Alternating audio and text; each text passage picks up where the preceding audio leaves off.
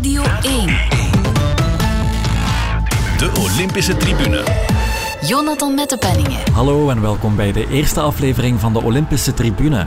Tijdens de Olympische Spelen zoomen we in deze podcast elke dag in op twee sportevenementen met twee gasten.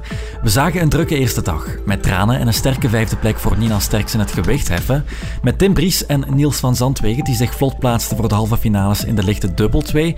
Maar we kunnen uiteraard niet anders dan het over de wegrit hebben, over die mystieke Mikuni-pas. Daarover heb ik het met Renaat Schotten en ook de Red Lions zijn vandaag aan hun toernooi begonnen. Zij zetten meteen de toon tegen topfavoriet Nederland. Daarover straks Eddie Dum maar laten we beginnen met het wielrennen. De derde van de Tour, Senor Carapaz, wordt Olympisch kampioen in Tokio. Is dat een verrassing? Wel niet helemaal. Zeker niet op de manier waarop hij dat hier klaargespeeld heeft. Voetje af. Chapeau in drie Richard Carapaz wint de wedstrijd bij de mannen. Absoluut een verdiende winnaar in een koers die op heel wat vlakken op het WK in Imola leek. En met onze Wout van Aert, die net zoals in Imola zilver pakt. Ik heb het erover met Renaat Schotten. Dag Renaat. Een goede avond. Allee, toch hier van, uh, van in uh, Tokio, of uh, de buurt van Tokio. Hier is het volop avond. Ja. Daar denk ik overdag. Hier is het nog dag. Maar Renaat, jij komt dus net terug ja. van het circuit rond Mount Fuji. Hoe is het daar eigenlijk in Tokio voor de journalist? Well, ik, ben, ik ben dus eigenlijk weg uit Tokio. Mm. Um, ik zit op een uur of drie rijden van uh, de hoofdstad in uh, Mishima. En Mishima, dat, dat ligt ergens halfweg tussen de twee venues waar ik hoofdzakelijk uh, aan het werk moet. En dat is dan de Fuji Speedway, waar, waar de wegritten en de tijdritten doorgaan. En anderzijds is er dan um, de site op Izu, waar de wielerbaan naast het mountainbike parcours staat of omgekeerd. En het leuke ervan is dat um, door die twee combinaties, door die twee te combineren, het is telkens 45 minuten bussen. Hmm. En naar Olympische normen valt dat eigenlijk nog mee, best mee. Uh. Oké, dat is goed. Ik noemde Carapaz net de verdiende winnaar. Ga je daarmee akkoord? Je kan zo'n Olympische titel eigenlijk bijna niet stelen. Maar ik had het natuurlijk als, als Belg liever anders gezien. Uh, was hij de beste man in koers? Daar kan je een eindeloze boom over opzetten. Ik onthoud de reactie van Wout van Aert kort na afloop van, van de koers, waarin hij eigenlijk zonder dat ik recht naar refereerde, meteen Carapaz de sterkste man in koers noemde. En dat, dat zegt uh, veel voor mij, dat spreekt boekdelen. Mm -hmm. Dus Van Aert die voelt natuurlijk de koers nog op een andere manier aan dan wij als buitenstaanders. Dus uh, ik, ja, ik moet me dan, dan bij aansluiten, want um, een renner heeft altijd gelijk, wat mij betreft. Aha, okay. Serge Pauwels die had het in Kiru, ons ochtendprogramma op 1, over de wonderweek die de renners blijkbaar meemaken na hun Tour de France. Ja, dat blijkt toch weer waar? Ja, dat klopt, dat is waar. Als je uit zo'n ronde van Frankrijk komt en je slaagt erin om, om toch uh, tussen het reizen door je recuperatie en je training te verzorgen, dan kan dat leiden tot dit moois. En, en het is niet uh, de enige natuurlijk die uit de Tour gekomen is. Als we kijken naar, ja, de top 10, dan zijn ze op één renner na, denk ik. Ja, Adam Yates op 9 en, en Schachman ook. Dus de top 8, de volledige top 8, komt uit de ronde van Frankrijk, uh, als ik me niet vergis.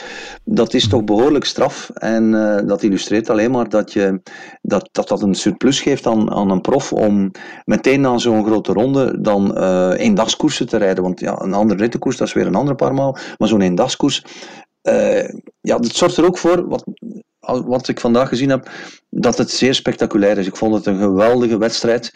Um, met alleen, ja, er was een kers op de taart, maar wat mij betreft had het gerust een gouden kers mogen zijn. Aha. Voilà. Wout van Aert die strandt uiteindelijk op de tweede plek. De eerste keer dat we met verwachtingen naar de Spelen trokken. Niet bekroond met een gouden medaille, maar die verwachtingen zijn minstens ingevuld. Hij heeft die meer dan ingelost wat mij betreft, ook door zijn manier van koersen. Um, de bondscoach sprak in een, in een interview over een uh, zilveren medaille met een gouden randje. Ik denk dat dat nog een understatement is. Ik weet niet of, of zilver met een platina randje meer waard is. Maar in elk geval, hij, hij was de, de morele winnaar van de koers. Zonder Wout van van Aert zou de finale nooit zo aantrekkelijk geweest zijn als ze nu was.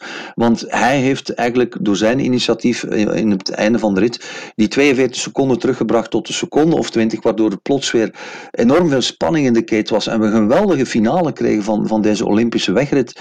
Wat mij betreft, voor de mensen die dan het wielrennen niet van zo nabij volgen, pure propaganda voor de wielersport. En dat was in hoofdzaak te danken aan Wout van Aert. Ja, en op die manier had het toch ook veel weg van, van Imola niet. Van Aert die de hele wedstrijd al um, al het werk voor zijn rekening neemt, te weinig steun krijgt en uiteindelijk weer een sprint moet voorbereiden voor de tweede plek. Dat is misschien ook het gevolg van die favoriete status? Ja, hij was de snelste man natuurlijk eens die, die ontsnapping met een klein dozijn daar in de finale gevormd uh, werd. En, en ik vond het eigenlijk wel jammer dat, dat, uh, dat er niemand uh, dacht als een winnaar. Want ik versta eigenlijk niet goed waarom je op die manier moet koersen.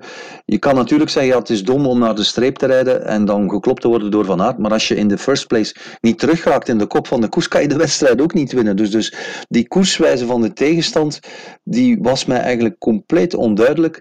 Um, want als ze terug bij de kop van de koers komen op een bepaald moment Carapaz, ja, dan kan er opnieuw gedemareerd worden. Dus, dus eigenlijk rijden mm -hmm. al die gasten die daar mee waren met Van Aert zichzelf gewoon in het verlies. En weten ze dat ze zich tevreden moeten stellen met een ereplaats of een ander kleurtje. Maar winnen konden ze alvast niet meer doen. Dus ik snap niet dat er toch niet een paar geesten waren die dezelfde winnaarsmentaliteit als Wout van Aert hadden.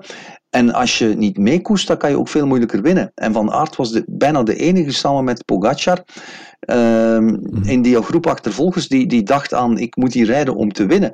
En oké, het is moeilijk om die keuze te maken, maar soms snap ik de, de psychologie van andere renners niet, niet helemaal. Uh, ze zullen wel een reden hebben om zo te koersen, maar voor, voor een niet-wielrenner, uh, voor mij is dat onbegrijpelijk hoe, hoe er geredeneerd wordt, want ze rijden zichzelf eigenlijk in het verlies. Mm. Een reden waarom dat, uh, de achtervolgende groep misschien niet terugkwam, is ook omdat er geen koppeltjes meer waren. Dan moet ik misschien het volgende vragen. Waar zat Evenepoel? Die was plots weg, die ging zich wegcijferen voor Van Aert, maar dat heeft hij toch niet gedaan. Hij heeft een cartouche verspeeld bij die aanval op 53 kilometer. Achteraf bekeken is natuurlijk makkelijk om te zeggen, hij had dat niet moeten doen. Mm -hmm. uh, want ja, een solo van op die afstand, dat, dat is echt ja, bijna onmogelijk met de kwaliteit uh, die daar toch aanwezig was in het startveld. Die inspanning, als hij die niet levert, dan kan hij misschien nog iets meer betekenen voor Wout van Aert. Maar dat is, dat zo typisch, ja, praat achteraf. We zullen dat nooit weten natuurlijk, hè, hoe het zou uitgedraaid zijn met, met een ploegmakker meer. Maar ik zat ook met het gevoel dat het enige wat Van Aert eigenlijk van goud heeft gehouden, een ploegmakker meer was. Maar anderzijds, en ik snap dat ook wel... Uh, Niemand had een ploegmaat door die, die zware finale bij zich in, in, uh, in dat groepje. Dus, dus ja, het was niet evident met die kleine ploegen om daar nog met een duo terecht te komen in die finale. De Belgen hebben ook een verantwoordelijkheid genomen wat hen siert. Wat de, bondscoach heeft dat ook benadrukt, Sven van Toerenhout. En ik snap die koerswijze wel uh, op een bepaalde manier. Maar anderzijds, ik denk die ontsnapping met exoten. Mm -hmm. ik, ik, zou eigenlijk liever Greg van Averen wat mee zien rijden hebben. Al zouden die dan nog niet, nooit de ruimte gekregen hebben die ze nu kregen. Maar op die manier, ja, Van Avermaat werd dan opgesoupeerd in het begin van de wedstrijd. 100 kilometer uh, tempo gemaakt in, in functie van. Heeft dat fantastisch gedaan. Moet vreemd geweest zijn voor hem om dat nog eens te doen. En dan nog op een Olympisch wegkampioenschap als titelverdediger. Maar heeft dat eigenlijk... Uh, voilà. ja. Gouden Greg voor zilveren Wout, zei je? Ja, ja, ja, dat is inderdaad de, de conclusie van, uh, van de dag. En het is nog niet gedaan, hè. dat is het voordeel. Hè. Er komt nog een kans voor, uh, voor Wout van Aert. Hij kan in de tijdrit nog de, de hoofdvogel afschieten. Exact. Carapaz pikt het goud weg voor Wout van Aert in de wegrit. Die tijdrit komt eraan op woensdag 28 juli. Um, een nieuwe kans op Belgisch goud dus. Um, van Aert die lijkt me na vandaag even leeg gereden. Hoe snel kan die recupereren? Maar hij zit in de vorm van zijn leven. Hè. Ik denk dat hij nog beter is dan, dan vorig jaar. Um, ik heb het gevoel met het tijdritparcours dat daar ligt, dat hij um, de absolute topfavoriet is. En als hij gewoon zijn zaakjes op orde houdt, erin slaagt om, om goed te recupereren, goed te slapen, zich goed af te schermen van de buitenwereld, dat is eigenlijk wel nodig voor een stukje. Uh, niet te veel bezig zijn met wat er allemaal omgaat in die, in die buitenwereld, die, die, die alleen maar de focus en de aandacht op, op zijn nummer kan verstoren. En dan gewoon woensdag met de allerbeste van aard die hij kan zijn aan de start komen, dan denk ik, ja, dan, ik, voor, mij, voor mij zijn de rollen geswitcht. Ik denk dat, dat um, uh, mannen als Ghana heel lang als, als topfavoriet werden gehanteerd. -hmm. Maar ik, ja, na deze prestatie van Van Aert, waar, waar hij eigenlijk uh, op zijn eentje drie finales rijdt, want hij haalt renners terug, hij gaat zelf nog eens versnellen, hij gaat een gat dichtrijden, net niet dan, oké, okay, jammer genoeg. Maar dit was een geweldige Wout van Aert die we vandaag gezien hebben. En als hij dat woensdag overdoet, dan gaat hij Olympisch kampioen worden. Oké, okay. Wout van Aert nog eens topfavoriet. Um, mag Evenepoel ook mikken voor het uh, podium? Zo'n wegwedstrijd ligt ook niet altijd natuurlijk. Hè. Uh, ik denk, denk, voor het podium moeten we hem zeker niet uitvlakken. Maar um, mm -hmm. het feit dat, dat hij niet langer is meegegaan vandaag is voor mij... Um, ja, toch een signaal dat we misschien nog niet met de allerbeste, wat, um, allerbeste Remco Evenepoel te maken hebben.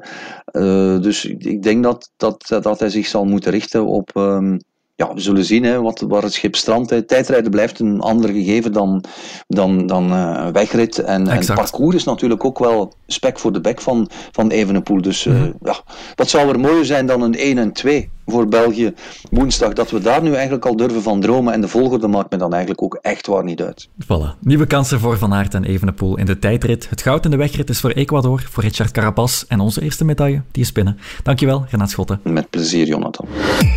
Radio 1. Sportza. Dan naar het hockey, want onze Red Lions die kwamen vandaag voor het eerst aan de bak. Onder de gloeiende zon, meteen tegen de Nederlanders, op zoek naar de juiste vorm om in Tokio naar het goud te mikken. Een paar stapjes opzij. Ja.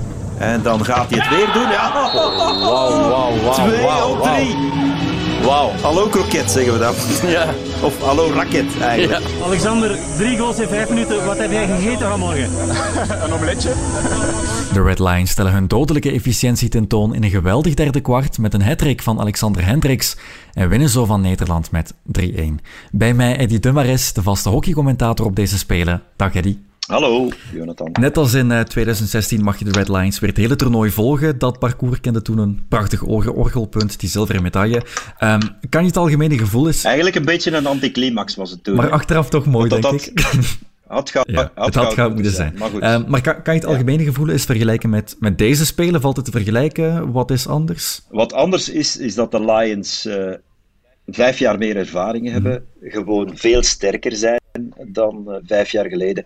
En het allergrootste verschil, je hebt hem al genoemd, Alexander Hendricks, een absolute topcorner. In Rio hadden we een van de slechtste corners van alle ploegen van het toernooi. We waren toen ook al goed, maar we moesten bijna al onze goals, uh, veldgoals maken, maken, sorry, ja. maken. En in hockey is de strafcorner ontzettend mm. belangrijk. Als je het een beetje moeilijk hebt in een match, kan die corner je uit de problemen halen. Dat is vandaag ook gebeurd, want we komen eerst 1-0 achter. Hele knappe goal van Hertzberger voor Nederland. En dan hebben we eindelijk een corner te pakken en Hendricks ramt die meteen binnen mm. en je zit meteen weer in de match. Dat is het belang van de strafcorner exact. in het hockey. Uh -huh. En die hebben we nu. Die voilà. hebben we nu wel. We hadden vroeger ook een goede corner, maar geen absolute topcorner. Nu hebben we Hendricks, die, die misschien wel de allerbeste is in de wereld, al een jaar of drie, vier.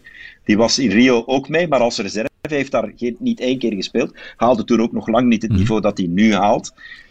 Maar op elk toernooi dat hij nu speelt, sinds, uh, laten we zeggen, het WK 2018, is hij topschutter of net niet topschutter mm. met zijn strafcorners. Dus dat, uh, dat zegt alles. Mm -hmm. Het is een enorm wapen, die uh, strafcorners van uh, Alexander, ja. Alexander Hendricks. België start zijn campagne... Jimmy voor de vrienden. Jimmy voor de vrienden, dat heb ik je horen zeggen.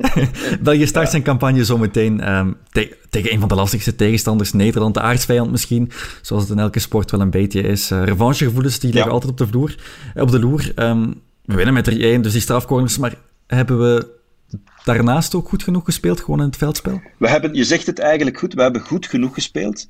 Want Nederland mm-hmm. stelde, stelde echt wel teleur. Het, het leek alsof ze ja. eigenlijk helemaal niet klaar waren om aan dat toernooi te beginnen. Heel vreemd, want ze jagen al sinds 2000 op eindelijk nog eens een mondiale titel. Dus WK goud of Olympisch goud. Dat is al meer dan 20 jaar niet gelukt voor Nederland. Dat is niet meer of niet minder dan een nationale ramp in Nederland, in het hockey.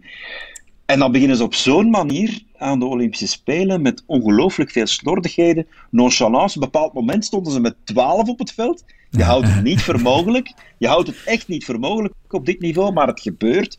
Even daarvoor, bij de strafcorner die ze krijgen, staan hun eerste twee strafcornermannen, geen een van beiden, op het veld. -hmm. Onbegrijpelijk. Want nummers 3 en 4, die toch een stuk minder zijn op de corner, die moeten het dan oplossen. Van der Weerde en Jip Jansen zaten aan de kant. Die, die zagen we met elkaar praten van, ja, ik snap het ook niet. Waarom staan wij allebei aan de kant op hetzelfde moment? Dat zijn overigens dingen die vooraf allemaal vastgelegd worden. Wie wanneer gewisseld wordt. Dus je weet vooraf dat ze, dat ze samen aan de kant gaan staan. Onbegrijpelijk. Zoals bijvoorbeeld, oké, okay, Tom Boom was nu geblesseerd voor de eerste wedstrijd. Komt wellicht terug voor Duitsland. Of in het slechtste geval voor de derde wedstrijd. En de rest van het toernooi. Maar als hij erbij is en Alexander Hendricks is erbij, dan staat één van beiden altijd op het veld. Tenzij het 5-0 is of zo en er wat wordt ja. aangepast aan het schema. Maar dat zou bij de Lions, ik, ik zie het nooit nee. gebeuren. Okay. Dus heel vreemd hoe Nederland aan dit toernooi is begonnen. Max Caldas, de, de, de bondscoach van Nederland, Max Caldas, Mhm. de Argentijnse Nederlander, kan je eigenlijk zeggen, want hij spreekt eh, perfect Nederlands, woont ook al vele jaren in Nederland. Die zei vooraf, ja, of we die eerste wedstrijd nu winnen, of verliezen, of gelijk spelen, eigenlijk maakt het niet zoveel uit, want er komen daarna nog, nog vier groepsduels. En bij die eerste vier gaan ze altijd zijn. Uiteraard is dat zo. Maar als je op deze manier aan het toernooi begint, dan heb je toch een mentaal probleem. Exact. En mentaal speelt dat natuurlijk mee, hè? verliezen tegen België. Ja, ja, want ze hebben nu wel uh, een, een, week of zo voor het EK met 4-0 gewonnen in Antwerpen, in de Pro League. Maar mm. de Lions waren toen al lang zeker van eindwinst in die Pro League, dus die match stelt eigenlijk niet mee. Dat was een veredelde oefenmatch. Op het, w op het EK zelf waren de Lions uh, niet sterk begonnen, maar ze hebben ook altijd gezegd, dit toernooi is voorbereiding. Het resultaat hier, we willen bij de eerste vier eindigen, maar of we nu eerste of derde worden, maakt niet zoveel uit, want het doel zijn de Olympische Spelen. Wat bleek, in de halve finales tegen Nederland waren de Lions de betere ploeg. Ze hadden die wedstrijd altijd moeten winnen. Door, door een paar individuele fouten wordt het 2-2 en verliezen ze de shootout. Maar ook toen waren ze, zelfs de Nederlanders, en daar is toch wat voor nodig, zelfs de Nederlandse spelers gaven na die wedstrijd toe dat België eigenlijk de betere ploeg was toen en had moeten winnen. En nu, op de Spelen, de Lions waren zeker niet top, niet op hun allerbeste niveau, maar Nederland was, was onbegrijpelijk zwak. Niet normaal. Ja. Mm-hmm. Zwakke Nederlanders. Um, voor het uitstel van Tokio 2020 waren de Red Lions topfavoriet van die status is in 2021 ja. misschien wat afgesneden. Um, maar wat we vandaag tonen is best positief, zonder op de zaken vooruit ja, te lopen. Ja, oké. Okay. Nee, uh, om, om het met een... Uh, mm-hmm. Uh, boetade zeggen niet te vroeg nee, voorbarig zijn. Hè. dit, is, dit is pas wedstrijd 1. Je moet acht wedstrijden spelen om Olympisch kampioen te kunnen worden. Dus dit is maar de eerste groepsmatch. Uh, we gaan ook Nederland nog niet afschrijven, dat is veel te vroeg.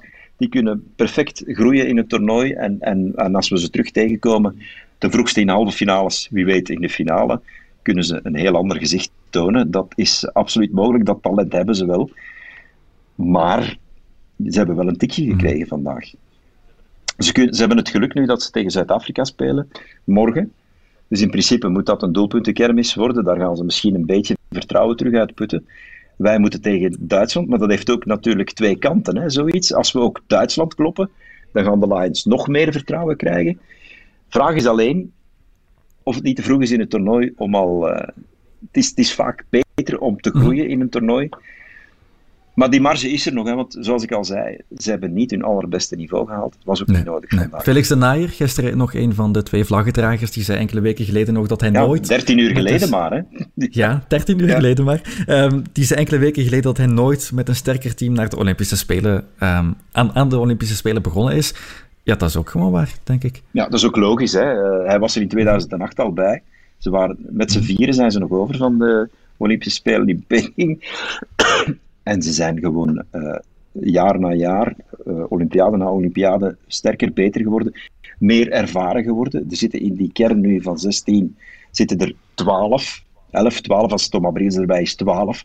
Met meer dan 200 en zelfs 300 caps. Dat is, een, dat is onwaarschijnlijk ervaren. Ze zijn ook de op twee na oudste ploeg. Mm-hmm. Maar ze zijn topfit, dus die leeftijd uh, speelt zich geen parten. Maar die ervaring is van onschatbare waarde. En het verschil ook met de vorige Olympische Spelen is die corner, hè, nog eens. Ja. Ervaring en een topcorner. Dat maakt ze zo'n beetje voorlopig de topfavoriet, misschien zelfs al. Ja, zo mooi zijn. Ja, als je wint van Nederland, je hebt, je hebt, je hebt vier, vier kandidaat eind, echt, echt kandidaat eindwinnaars. Mm-hmm. Uiteraard de Lions, je hebt Nederland, je hebt Duitsland en je hebt Australië. Mm-hmm.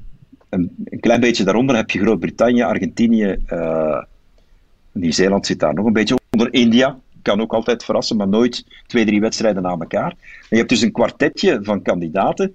En als je dan uh, Nederland, de, de laatste jaren toch met België dominant op de grote toernooien, als je die al meteen klopt, met gemak, ja, dan word je nog een beetje meer favoriet. Hè? Exact. De case Thomas Briels dan nog, daar was uh, veel te doen over vooraf. De kapitein niet opgenomen in de selectie, ja. ondergebracht bij de reserves. Um, maar stond gewoon op het veld vandaag bij Vlagen. Waarom dan al dat drama? Wel, omdat er is een uh, verandering gebeurd in de regels door het IOC, het Internationaal Olympisch mhm. Comité, heeft vanaf deze Spelen mogelijk gemaakt dat je voor elke wedstrijd een selectie van 16 spelers maakt. De doelman valt daar buiten, want er is ook een reservedoelman. Die kan alleen in de kern komen, tenzij je hem van het begin bij de 16 zet, kan die alleen in de kern komen als je eerste doelman, als er een medische reden is, als die corona krijgt, als die geblesseerd raakt. Anders kan de, reservedoelman niet bij de 16 komen. Maar de twee veldspelers die als reserve mee zijn, Murmans en Briels zijn dat bij de Red Lions, die kunnen, je kan van wedstrijd tot wedstrijd je 16 spelers kiezen. Dus ook die reservespelers kan je elke wedstrijd in of uit de kern halen, wat vroeger niet mogelijk was. Vroeger, bijvoorbeeld als, als je zegt Tom Boon kan niet spelen, dan moet je ofwel de wedstrijden dat hij geblesseerd is, als je denkt hij komt in de loop van het toernooi nog wel terug, raakt hij fit, dan moet je die andere wedstrijden met een man minder spelen, dus met 15 in plaats van 16. Ofwel moet je hem definitief vervangen. Je kan hem dan niet meer laten terugkomen. En dat is de wijziging, een goede wijziging vind ik zelf, want dat, dat geeft die, die uh, reservespelers ook een veel beter gevoel natuurlijk, veel meer betrokkenheid bij het toernooi, want ze weten dat ze in elke wedstrijd kunnen gebruikt worden. Dat is een groot verschil eh, met, met vroeger, waar je maar een beetje bij ging. Alexander Hendricks bijvoorbeeld in Rio, mhm. die heeft daar de tijd van zijn leven gehad in het atletendorp. maar die, die was niet echt betrokken bij het toernooi, omdat hij wist, als er niet iemand uh, definitief uitvalt, ga ik nooit spelen. Mhm. Ja. En dat is nu anders. Dus dat is toch mentaal een andere manier om daar te zijn. Een goede verandering, zo hoort er dus toch een beetje bij. Fantastisch, fantastisch voor, zeker voor Thomas Brink. Exact. Die het echt wel verdient met zijn carrière met alles wat hij voor die Red Lions uh, al die jaren heeft gedaan, verdient hij gewoon om daar volwaardig uh, aanwezig te zijn. En dat is nu dus het. Zeker wel. Maandag gaan de Lions weer aan de bak. In een tweede groepswedstrijd komen ze oog in oog uh, te staan met de Duitsers. Weer een moeilijke wedstrijd, weer tegen een topfavoriet. Um, ja. ja. wat wordt dat? Vergelijkbaar met deze misschien, of wordt het toch wat lastiger? Duitsland is altijd al een ploeg geweest die nog meer dan Nederland de, de Red Lions ligt. Zelfs toen ze mm nog, nog lang niet wereldtop waren, speelde ze al wel eens gelijk tegen Duitsland. Ook, ook al waren die Olympisch kampioen twee keer op rij, in 2008, 2012 was Duitsland twee keer Olympisch kampioen. En in 2012 hebben we 1-1 gelijk gespeeld in de groepsfase tegen Duitsland, terwijl wij nog maar, wat waren we toen, nummer 12 van de wereld, als ik me niet vergis. Dus dat is een ploeg die ons altijd heeft gelegen. Herinner u de halve finales van het EK 2019 in Antwerpen, Willerijkse Pleinen? Hè, komen we 2-0 achter tegen Duitsland. Winnen we die halve finale? Dat was de match van het toernooi. Dus van Duitsland verliezen we niet makkelijk. Dat is een ploeg die echt. Ja, je hebt dat, hè. In, in voetbal heb je dat ook. Er zijn ploegen die je liggen en er zijn ploegen die je niet liggen. Mhm. Je hebt angstkekeners en, en favoriete tegenstanders. En Duitsland is ondanks het feit dat het een ontzettend sterk team is en het heel moeilijk is om van ze te winnen, is een ploeg waar de Lions heel graag tegen spelen. En zelfs verliezen, nog even bijzeggen, verliezen is geen ramp, want we hebben al die drie punten tegen Nederland. Dus die tweede plaats, die je toch wil, eerste of tweede wil je toch worden in de groep, om vooral Australië te ontwijken in de kwartfinales ja, zelfs als we verliezen van Duitsland, ziet het er nog altijd goed uit wat dat betreft. Oké, de Red Lions winnen hun eerste groepswedstrijd met 3-1 tegen Nederland. Duitsland zou ons ook moeten liggen, maar dat zullen we maandag dan moeten zien. Dankjewel, Eddie de Maris. Uh, laat gaan slaven op vroeg opstaan, zou ik zeggen. dat wordt het. Half drie. Half drie maandag. Voilà, dankjewel. Oké.